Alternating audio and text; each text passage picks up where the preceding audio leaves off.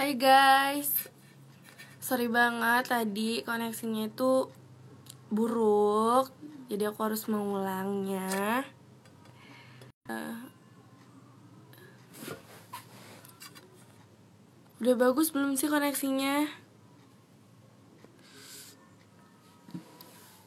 Oke guys, jadi sekarang kita bakalan ngobrol sama Kavia dan sama aku juga.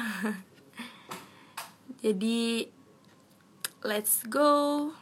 Kita join sama Kavia. Bismillah.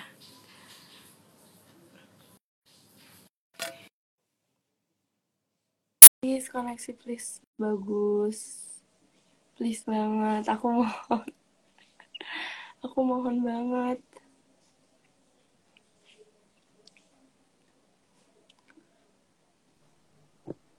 Yeay! Akhirnya.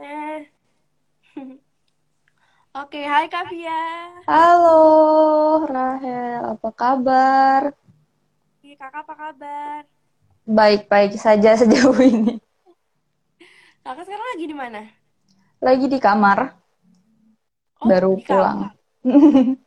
Oke, sekarang mungkin Kavia boleh kenalin diri dulu ke teman-teman yang lagi Oke. Kalau teman-teman, nama aku Tia, tapi sebenarnya beberapa orang panggil aku Raina, so kadang ada orang yang bingung dipanggilnya apa. Dan aku eh, mahasiswa di ISI Yogyakarta, Fakultas Seni Rupa, jurusannya Kria, angkatan 2019, umurnya barusan 19 tahun, baru berapa hari lalu. Oh, Kavia angkatan 19 ya? Iya, angkatan 19. Kira angkatan 18 atau Oh, enggak, 19 baru masuk. Baru semester 2. Oh. Oke, dan kan kita mau ngobrolin tentang Kavia dari mulai masa SMA-nya Kavia, terus Mm-mm. tentang isi juga karena aku Boleh. isi, Masuk isi ya. dan juga tentang eh, oh iya tentang klub nonton.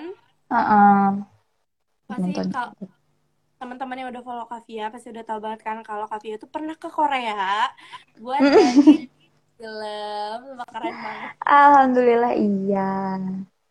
Dan sekarang kita mulai dari mm, masa SMA Kavia dulu deh, karena kan Hmm. Eh, kalau boleh kasih tahu nih Kavia, Kavia dulu eh, sekolahnya di mana sih? Aku dulu bukan SMA ya, dulu aku tuh SMK, SMK-nya di SMK Negeri 5 Bandar Lampung, jurusannya Kria Kayu. Oh, jurusannya Kria, makanya masuk ke isi. Masuk isi Jogja, lanjut Kria lagi. Terus Kavia, eh, semasa Mm. SMA nih, Kavia tuh sering ngelakuin apa aja sih? Atau kah berorganisasi? Kalau emang Nah, beror- apa aja organisasinya gitu, bisa ceritain ke kita. Aku dulu waktu pas SMK terlepas dari tugas-tugas perjurusan, itu juga join OSIS. Kebetulan waktu pas kelas 1 aku wakil ketua OSISnya SMK Negeri 5. Begitu kelas 2 aku pindah jadi sekretarisnya. Gitu sih. Kalau organisasi aku cuma join OSIS di sekolah. Kalau ekstrakurikuler aku ikutan musik juga. Musik tradisi sama tra- sama musik modern itu kita band sama paduan suara juga sih. Aku tuh nggak terlalu banyak organisasi anaknya cuman dua itu aja musik dan osis dari SMP kayak gitu. Berarti Kavia bisa nyanyi dong? Hmm, maybe. Oh, kalau aku boleh kepo dulu Kavia SMP mana sih? SMP-nya SMP 4. Bandar Lampung. Iya. Oh, SMP. Oke, oke, oke. Terus nih Kak, eh oh ya tentang nonton, tentang klub Mm-mm. nonton. Itu Kavia emang udah dari SMA tergabung di situ atau gimana? Oh, jadi kalau klub nonton itu sebenarnya eh, gimana ya jelasinnya? Dulu tuh foundernya klub nonton itu adalah kawannya ibuku. Itu bener kami itu bener-bener dekat gitu kan. Nah, sampai aku aku tuh menganggap eh, beliau itu adalah om sendiri gitu. Nah, sampai beliau pindah ke daerah lain itu klub nonton kan diterusin sama kakakku. Itu nggak salah mulai tahun 2017 2017 berarti aku SMK ya? Iya aku SMK kelas 2 itu mulainya. Tapi aku nggak terlalu nggak langsung join klub nonton. Masih awal-awal tuh masih pas nge-rebuild klub nonton itu masih kakakku dan kawan-kawannya. Nah aku tuh mulai gabung ke klub nonton itu kelas 3 kayaknya. Kelas 3 yang bener-bener aktif. Which is kalau dulu itu aku join klub nonton cuma sebagai anggota begitu kelas tiga itu aku udah jadi uh, bendaharanya klub nonton sih. Gitu. Kalau joinnya dari kelas 3 SMK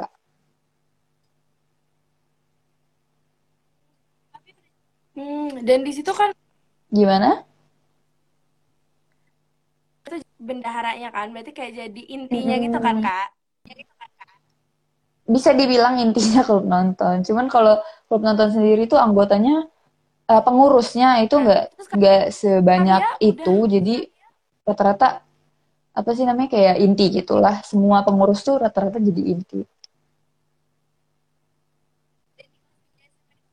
Dan di kelas 3 filmnya. Maksudnya gimana main? Oh, aku tuh nggak main film ya kalau dari dulu tuh kalau pas waktu SD dan SMP iya aku pernah main film. Itu kan beber ada hmm. beberapa project yang ikut yang aku ikutin. Terus itu emang dulu pernah jadi main film. But waktu pas waktu masuk SMK mulai-mulai masuk SMK itu aku udah nggak ngurusin di depan layar lagi. Aku udah ngurusin di balik layar aja sama kawan-kawan klub nonton juga rata-rata bukan kita bukan cast dalam suatu film ya kita malah yang produksi filmnya. Oh ngerti ngerti hmm. ngerti terus yeah. uh, gimana sih kak perjalanan kakak dari mulai kakak SMA dari mulai mengenal kria sampai kakak diterima di Institut Seni Indonesia kenal kria kalau kenal kria itu dari SMP ya aku waktu pas jadi waktu SMK 5 SMK ku dulu kebetulan dia itu ada setiap tahunnya itu ada pameran pameran tugas akhir waktu itu namanya pameran tugas akhir jadi waktu pas aku SMP itu ibuku kelas SMP kelas 2 kalau nggak salah aku inget ya. Waktu itu ibuku ngajakin deh ayo kita lihat uh, pameran di SMK 5 terus aku dulu nggak tahu sama sekali itu namanya jurusan apa kerja segala macam itu aku nggak tahu. Tapi memang dari dulu aku tertarik sama bidang seni rupa. Nah waktu pas aku datang ke SMK aku itu kebetulan lagi pameran kita lihat segala macam dan ada di SMK Negeri 5 tuh ada temennya ibuku. Dan kebetulan dia wakil kesiswaan di sana jadi waktu itu aku dijelasin gini gini segala macam. Ini kriya kriya itu seperti ini. Terus aku ditawarin kamu mau masuk kriya yang mana? Waktu pas pertama aku ditawarin sama uh, beliau itu adalah kriya logam. Tapi aku sempet takut. Soalnya kriya logam itu kita mainnya sama las-lasan segala macam kan which api dan segala macam. Ini menurutku itu mungkin agak ek, terlalu ekstrim ya.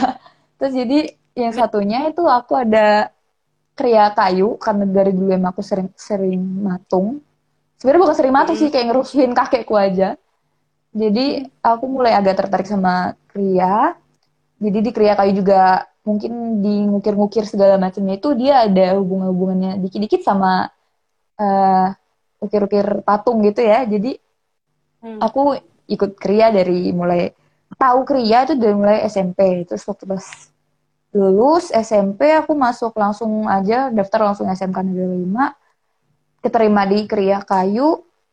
Udah selesai di Kriya Kayu tiga tahun ngejalanin uh, lika-likunya. Karena waktu pas di SMK aku tuh di jurusanku Kriya Kayu aku perempuan sendiri. Ah serius? Iya. satu jurusan aku perempuan sendiri. Jadi oh waktu oh itu seru banget. Jadi kawannya cowok semua terus aku tuh apa sih waktu SMK tuh ada kakak kelas yang juga cewek tapi dia kelas 3 kan waktu pas aku masuk begitu aku kelas 2 itu plong bener-bener gak ada cewek sama sekali jadi bener-bener aku doang. Begitu masuk kelas 3 aku kelas 3 baru ada lagi cewek di kelas satunya cuman sendiri juga.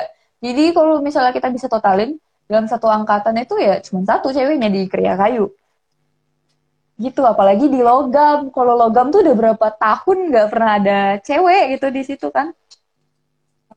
Terus udah dari Kriya Kayu tuh lanjutlah. Aku tuh milih universitas karena waktu dulu tuh sebenarnya kria kan kalau di uh, di daerah Lampung ya di Lampung sendiri kan orang tuh belum banyak yang tahu kria terus aku juga hmm. I'm not really sure kalau di nasional tuh kria tuh se famous itu kah dan ternyata waktu pas aku aku waktu dulu waktu SMK kelas 2 itu pernah ikutan pameran di Lombok. Gara-gara ada event kita SMK kan ada ini LKS lomba kompetensi siswa nasional. Kayak FLS 2 ini SMA lah. Nah, itu dari situ tuh aku baru baru ketemu sama kawan-kawan yang satu Indonesia gitu loh. Dan baru tahu kalau misalnya ada ada juga di daerah lain tuh yang kriya tuh dan dan orang-orangnya ternyata se, se apa ya? Kayak di sana tuh kayak terkenal juga kriya ternyata.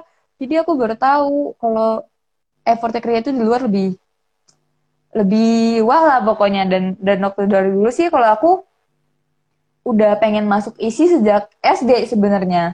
Jadi tapi belum tahu mau ah. jurusan apa. Udah ah. tahu pengen masuk seni rupa tapi nggak tahu mau jurusan apa. Dan kebetulan waktu SMK masuk kria ya udah deh. Jadi kayak isinya aku lanjut aja masuk kria juga. Ada kawanku tuh be proud to be kria isi. Ya terus kak itu kakak masuk isi kemauan kakak sendiri apa emang ada dukungan dari orang tua juga atau orang tua kakak uh. dukung tapi atau gimana kalau masuk isinya sih dari emang dari kecil ya aku kan kakekku kebetulan kan dulu isi itu namanya kan bukan isi isi itu dari tiga gabungan akademi gitu. Isti institut eh asti asti asti itu akademi seni tari Indonesia terus akademi seni rupa Indonesia asri sama satu lagi aku lupa deh. Kayaknya yang musik deh. Nah tiga tiga akademi itu gabung jadi isi Nah, dulu kakekku itu dari Asri yang seni rupa. Nenekku dari Asti yang seni tari. Nah, jadi emang dari dulu tuh apa ya? Emang mereka dari situ-situ lah dan aku jadi kayak kepengen masuk situ juga gitu. Dari oh, SD udah kepikiran kayak gitu. iya. Keluarga bener-bener isi, oh my god. iya. Aku kaget banget. Bener-bener yang dari ayah itu semua masuk uh, isi. Dan waktu itu udah tahu isi dari SD udah kepengen masuk situ ya udahlah akhirnya sama orang tua juga emang didukung penuh kan. Dulu sempet aku sempat pengen murtad dari kria tuh. Nggak pengen masuk kria lagi kan pengen masuk ke desain segala macem. But kata ayahku e, kayaknya kamu tuh jalannya di kria deh. Terus jadi aku ya udah deh aku masuk kria akhirnya masuk. SBM ikut masuk Oh, jadi kakak itu jalur SBMPTN? Iya, aku SBM. Kemarin nyoba SNM, milihnya tuh bukan kria aku kemarin. Tapi kayaknya aku kalah di portofolionya mungkin, karena isi tuh portofolionya tinggi banget. Jadi aku nggak masuk waktu pas SNMPTN. Dan isi itu punya kuota berapa persen gitu untuk per daerah. Jadi kalau misalnya dari daerah ini udah terlalu banyak yang masuk di SNM, dia walaupun nilainya bagus bakal di-cut gitu loh, bakal rata dia ngebaginya seluruh Indonesia. Kalau di angkatan 2019 nih kak, yang dari Lampung ada berapa kayak masuk isi? Kakak tahu nggak? Kalau yang total aku kurang tahu ya, tapi setahu aku lumayan banyak sih anak Lampung. Kayak di Fakultas Seni Rupa tuh lumayan lah. Tapi kalau yang di krianya sendiri itu cuma berdua. Kebetulan aku sama kawanku yang anak SMK juga. Oh, kalau yang ditari di musik banyak juga kan? Dan di tari banyak, di musik juga banyak. Kebetulan ada beberapa kawanku juga yang anak tari dan dari Lampung kebetulan juga. Lampung tuh lumayan loh tarinya. Dia diisi sih bersaing sih anak-anaknya aku lihat kawan-kawanku tuh pada bagus-bagus narinya yang anak Lampung. Semangat. Oke. Okay. Dan uh, setelah kakak masuk isi nih, pastinya kakak mm -hmm. seneng banget dong. Udah uh, pastinya. Gitu kan? Mm -hmm. uh, karena kakak itu memang udah pengen masuk isi dan kakak masuk isi pasti kakak seneng banget terus uh, selama um, ini dua semester ya kak berarti? Iya udah semester dua ini. Udah mau selesai kan semester dua mau semester tiga. Selama dua semester ini apa yang udah kakak alamin di isi alamin apa ya banyak kalau yang dialamin Tapi kalau isi sendiri tuh menurutku punya apa ya daripada universitas lain ada salah satu yang spesialnya aja gitu diisi. Terus, apa kak? Contohnya apa? Apa ya?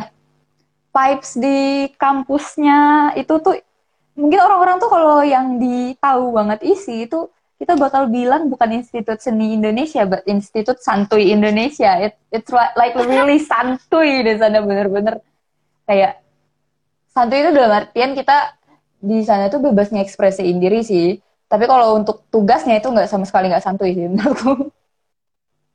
Oh tugasnya nggak santai ya? Ah nggak, nggak santai. Tugasnya nggak santai. Kalau diisi sendiri itu menurutku banyak banget tugasnya sih aku nggak tahu sih universitas lain ya karena aku nggak nggak di univ lain. Jadi aku tahunya diisi aja. Tapi dari yang aku lihat sih kayaknya sih banyak banget di tugasnya. Mau fakultas apa pun jurusan apa pun kayaknya banyak tugasnya.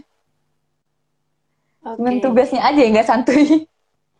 Oh iya coba berarti institut santuy Indonesia tapi institut santuy Indonesia tapi tugasnya nggak santuy.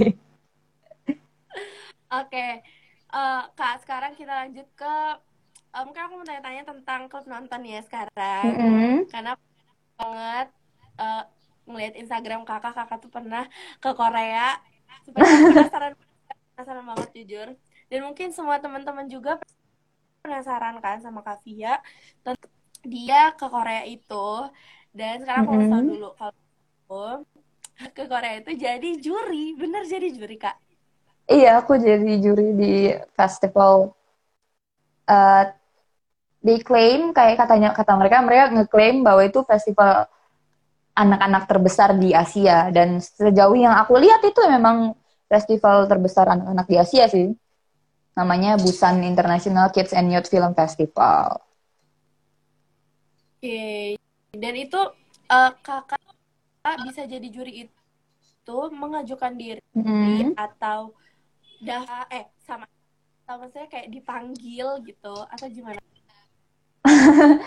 Boleh. Jadi kalau dulu itu sebenarnya aku tuh waktu pengen ke Biki, aku tahu Biki dari kawanku yang juga sineas juga dia kebetulan waktu itu datang ke rumahku dan dia cerita-cerita soal Biki karena dia dulu pernah ikutan film campnya. Film camp tuh kayak uh, workshop filmnya Biki dan dia benar-benar datang ke sana waktu itu sama sama satu temannya lagi dari Indonesia itu cuma berdua di tahun 2017 dia datang. 2017 atau 2016 kita aku lupa. Terus dia bilang ke aku coba nggak mau daftar. Coba kita ikut juga nih film camp lumayan. Soalnya kata dia dari itu film camp ngambilnya dari berbagai negara. Dan waktu itu benar juga waktu pas aku datang tuh lima negara ya yang datang di film camp. Terus aku coba nih aku coba daftar film camp.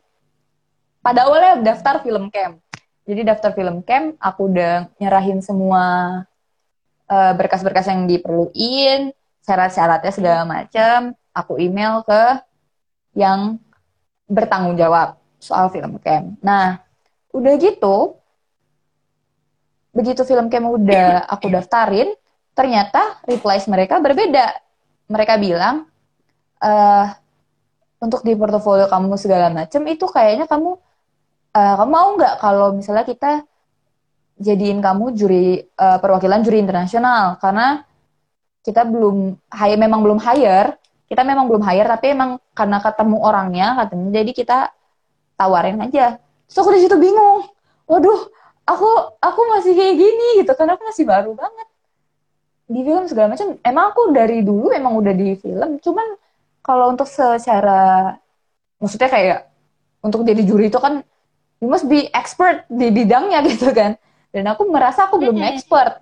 Aku merasa aku belum expert tapi mereka menganggap kalau portofolio yang aku berikan sama beberapa tas yang juga aku aku including klub nonton di situ mereka bilang kalau itu udah memenuhi dan kamu sangat memenuhi syarat buat jadi juri kita. Aku shock di situ.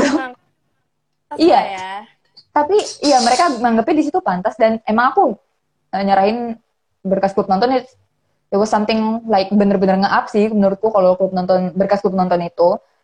Dan mungkin juga bagi mereka itu suatu apa ya eh, program-program yang klub nonton buat itu bener-bener emang udah bukan programnya remaja lagi itu sebenarnya udah program expert.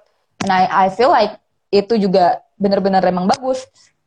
Cuman yang aku raguin itu ada diriku sendiri kan. Jadi kayak aku ngerasa aduh gimana nih? Tapi aku ngerasa kalau misalnya kesempatan ini aku buang aduh sayang hmm. banget kalau aku buang. Jadi ya oke okay, and I accept that. Aku bilang bol aku mau aku mau jadi juri di Biki dan yang ku dengar di situ bahwa ada uh, beberapa juri internasional juga yang lain.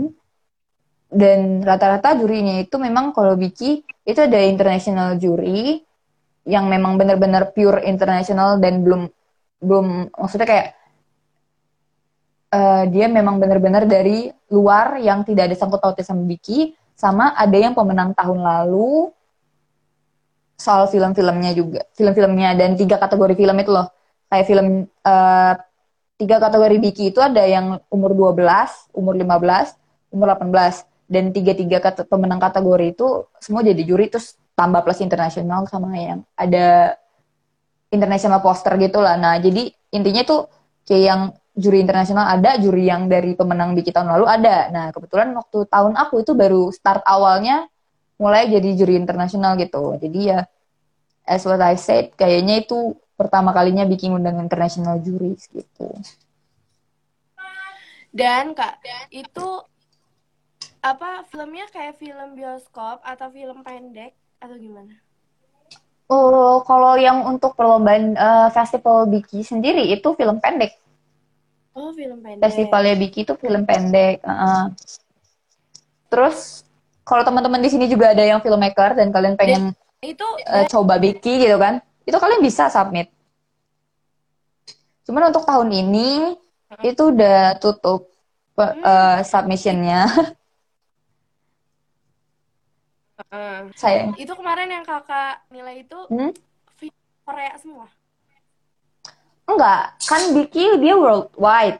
Jadi semua film dari dunia. Waktu kemarin uh, aku tuh dapat kedapat berapa yang submission ya? yang submission dapat 167 film dari 79 negara kok nggak salah. Nah, tapi kan udah dikurasi sama pihak bikinya, udah dikurasi sama mereka. Jadi yang aku jurin tuh kalau nggak salah sekitar 25 atau 20 atau berapa ya? 20 kayaknya. 25 film? Seingatku 20. Ya, 20 sampai 25 film, aku lupa berapa yang harus ku nilai yang itu. Oke, dan itu pengalaman terbesar kakak sampai sekarang atau atau ada yang lain? Kalau untuk achievement di film ya, itu paling paling wah. Sampai sekarang itu achievement di film ya Biki. Iya karena aku juga kaget banget. Kayak apalagi kakak masih dan beneran sampai now dan itu kaget banget. Jangan kan kamu aku aja masih nggak nyangka. Aku juga masih nggak nyangka. Kemarin tuh it's like a dream Iya. Yeah. isi enggak boleh nggak kita balik lagi ke isi oh boleh boleh connectionnya agak putus-putus so I, I kinda kadang nggak denger oh iya nggak apa-apa Mm, apa. Lagi tentang uh, fasilitas diisi sama mm. fasilitas dulu. Ada apa aja sih? Fasilitas diisi. Itu kalau untuk seni rupa sendiri itu punya pastinya punya studio dan studionya di sini studionya anak seni rupa ya kan beda studio foto sama studio anak seni rupa jadi kalau studio anak seni rupa kan everything that we need di situ sesuai jurusannya masing-masing. Kayak kalau di Kria itu bahkan ada lima studio karena beda-beda kan. Kria kan punya subnya sendiri, ada uh, penjuruannya lagi dan dia punya lima gedung yang berbeda untuk studi-studionya. Begitu juga dengan jurusan-jurusan yang lain. Kayak aku lihat seni murni dia punya grafis punya studionya sendiri, patung punya studionya sendiri, lukis juga punya studionya sendiri. Untuk jurusan desain juga dia mereka punya studio dan gedungnya sendiri di pertunjukan itu banyak juga fasilitasnya. Terutama sih kalau setiap fakultas tuh punya plaza namanya. Itu kayak tempat untuk kita kumpul terserah kita mau ngapain di situ. Bisa kalau anak pertunjukan dipakai buat latihan segala macam. Tapi mereka punya pendoponya sendiri. Tari punya pendoponya musik punya pendoponya beda-beda dan mereka punya fasilitasnya menurutku banyak banget. Dan kalau untuk uh, pertunjukan alat musik ya jangan ditanya lagi pasti ada semua. Dan isi itu punya uh, concert hall sendiri. Mm -mm. isi punya concert hall sendiri. Jadi kita bisa uh, untuk anak-anak musik kita bisa pakai konser hall itu buat mereka tampil. Kadang ada, kadang malah banyak banget loh. Kemarin terakhir aku kayaknya waktu pas diisi itu, saya ingatku kayak ada lebih dari 10 pertunjukan musik. Dan itu kayaknya setiap setiap bulannya pasti ada. Terus kalau untuk yang anak-anak seni rupa, anak-anak media rekam itu mereka punya galerinya sendiri, jadi kita bisa pameran di situ. Kalau fasilitas-fasilitas lain banyak lagi. Dan aku tidak. Mungkin aku kurang jalan-jalan di sini jadi aku belum bisa nyebutin semua. Padahal banyak banget. Apalagi di di seni pertunjukan tuh banyak banget fasilitasnya. Dan nih kak, hal yang mm -hmm. buat kakak semangat kuliah itu apa? Yang buat aku semangat kuliah itu apa ya? Banyak sih. Tapi salah satunya menurutku yang paling besar adalah aku tuh sebenarnya tadinya tuh ada option lain. Jadi aku nggak mau uh, stuck di optionku masuk isi aku pengen keluar which is keluar Indonesia dari Indonesia hmm. gitu. Aku pengen ke univ lain yang di luar. Kalau pria itu aku dengar di Jepang banyak. But kemarin itu aku telat menyadari bahwa aku tidak mau di Indonesia itu telat banget. Jadi istilahnya kayak submission di luar untuk scholarship dan segala macam itu udah pada tutup dan aku baru sadar kalau aku nggak mau di Indonesia. Tapi ya isi juga bukan menurutku bukan jadi pilihan juga. Isi tetap tetap tujuanku juga. Nah, sekarang tuh yang bikin aku semangat kuliah itu karena aku pengen ngejar scholarship untuk S2 di luar gitu. Jadi aku nggak mau berhenti di S1 aja, tapi aku mau langsung lanjut keluar. Jadi makanya aku kuliahnya semangat harus mendapatkan nilai yang baik agar portofolioku bagus dan transkrip nilaiku tidak ada yang C. Jadi, jadi kakak mau ini? Ya rencana aku mau di luar sih. Aku masih ngejar beberapa scholarship dan masih ngurus-ngurus berkasnya dan harus menjalani sertifikat bahasa-bahasa yang lain gitu kan. Tujuanku antara dua, antara di Korea sendiri atau di Jepang. Iya, antara dua itu. aku yakin sih kakak dapat amin. Pengen banget. Aku pengen banget dapat di luar. Itu kria lagi? Uh, kalau di Jepang dia banyak kria lagi. Cuman kalau untuk di negara lain aku belum nemu krianya di mana. Jadi kalaupun aku nggak dapat di kria tetap di seni rupa. Tapi aku mau ngambil desain sih. Entah itu desain produk atau desain interior aku intinya masih berkutat di seni rupa. Cuman kalau memang bisa itu dapat kerja lagi kalau nggak dapet aku udah ambilnya di desain. Hmm. oke okay, dan ini aku baca baca nih kak. Banyak banget nih kak yang mm -hmm. mau masuk isi ternyata. Oh gitu. Ada nih kak aku bikin film bagus apa enggak kak? Kakak bisa itu siapa kasih pendapat karena ngerekamnya pakai HP. Oh, itu mah kamu nanti chat kafe. ah bohong, bohong itu aku kenal. Masuk isi kayak Kavia keren banget, sumpah. Aku juga pengen banget. Thank you. Oh kan. Terus udah kita udah hampir setengah jam. Oh, udah hampir setengah jam ya? Terakhir ya, Kak. Mm -hmm. Iya buat kita semua yang mau masuk ke kasih pesan ke yang mau masuk ke isi. Jadi gini, isi itu berbeda dengan univ lain, PTN lain terutama ya. Beda bangetnya itu di mungkin kalau PTN lain kalian nggak harus garap portofolio, tapi kalau di isi kalian harus garap portofolio. Itu adalah salah satu kunci utama kamu masuk isi selain nilai kamu. Nilai itu menurutku di isi itu di nomor dua kan. Yang pertama banget itu adalah portofolionya. Uh -uh. Jadi kalau kamu memang masuk isi, memang mantap banget masuk isi dan satu jurusan itu, please garap portofolio yang serius. Bener-bener serius. Karena misal sosial-sosial yang kamu dapat tahun ini tuh uh, nilai SBMPTN kamu kecil, tapi portofolio kamu bagus, itu kan bakal ketolong banget diisi. Itu Jadi, kuncinya itu adalah portofolio. Kuncinya portofolio. Hmm. Mm -mm. Selain portofolio? Selain portofolio, yang jelas, ya kalau misalnya kamu emang udah nggak bisa, menurutku, ya menurut misalnya menurut kamu sendiri portofolio kamu not as good as others karena itu yang mau masuk banyak banget, nilai kamu harus digedein juga. Terus tips untuk kawan-kawan yang mau masuk isi jalur mandiri, isi itu agak stretch sama bahasa Inggris. Jadi untuk masuk isi, mau jurusan apa pun, begitu mandiri kalian dites bahasa Inggris. Rekomen Gogo kampus, masuk aja Gogo, udah bagus bahasa Inggrismu. Jadi buat kamu buat kamu semua yang mau masuk isi tahun depan itu aku rekom banget ke kamu buat ikutan Gogo kampus karena bahasa Inggris tuh sangat diandalkan di isi. Bener-bener deh. Bahasa Inggris, aduh, kasihan aku sama orang-orang yang uh, mandiri tuh udah bagus-bagus tes. Eh begitu bahasa Inggrisnya mereka agak lemah tuh bener-bener buang. Depak nggak bisa. Sebenarnya kayak gitu. Itu sih kalau kita mau masuk mandiri tuh bener-bener bahasa Inggrisnya di ini sih ditanyain. Minimal minimal dia bisa nggak jelasin dia mau ngapain. In a good way. In a good grammar kayak gitu segala macem kalau untuk masuk isi itu. Oke, okay. kak terakhir aku ada pertanyaan lagi buat kakak.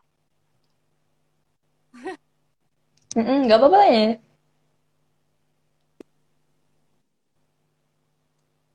Ngereload ya. Oh, cita-cita kakak? Cita-cita aduh aku bingung kalau ditanyain cita-cita. Soalnya aku tuh apa ya starting from dari SD itu cita-citaku gimana?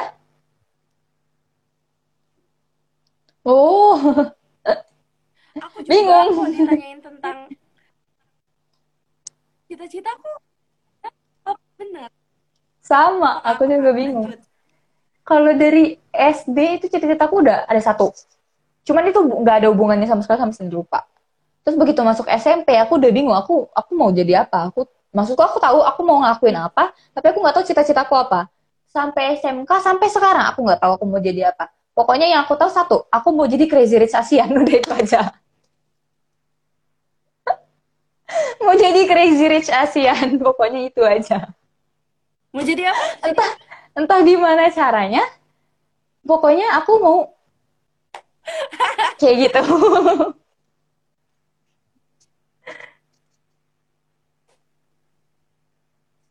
Oke, aku ya kak, kalau aku sendiri nih, mm -hmm. aku tuh pengen banget masuk isi jurusan seni tari, tapi aku pengen jadi mm -hmm. karena aku juga pengen jadi crazy rich. Iya kan, bener kan? Jadi kayak mau jurusan apa pun kita harus nemuin kayak sesuatu yang bisa kita bisnisin di situ. Nah, jadi iya aku maybe kalau di Korea kan ada ya, ada ada pasarnya, ada pasar produk segala macam. Di tari bisa sih. Bisa berbisnis dengan tari juga. Setuju.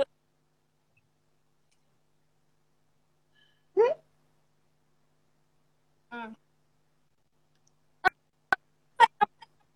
Nggak nyambung banget dari tari ke pengusaha. Tapi bingung ada lah jalannya siapa tahu kan kita mungkin tahu mungkin ya. kalau kita ah iya kita nggak tahu kita nggak tahu ke depannya gimana kita nggak tahu nasib gimana. Pokoknya amin aja deh semoga kesampaian amin amin. Ya pasti ada jalannya. Semua eh pasti ada jalannya. Hmm thank you. Terima kasih juga Rahel. Oke deh kak Bye-bye. See you teman-teman. Dari tiga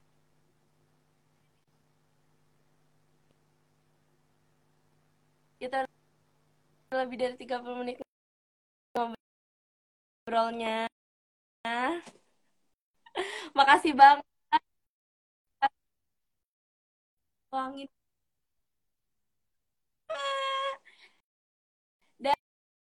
Dan,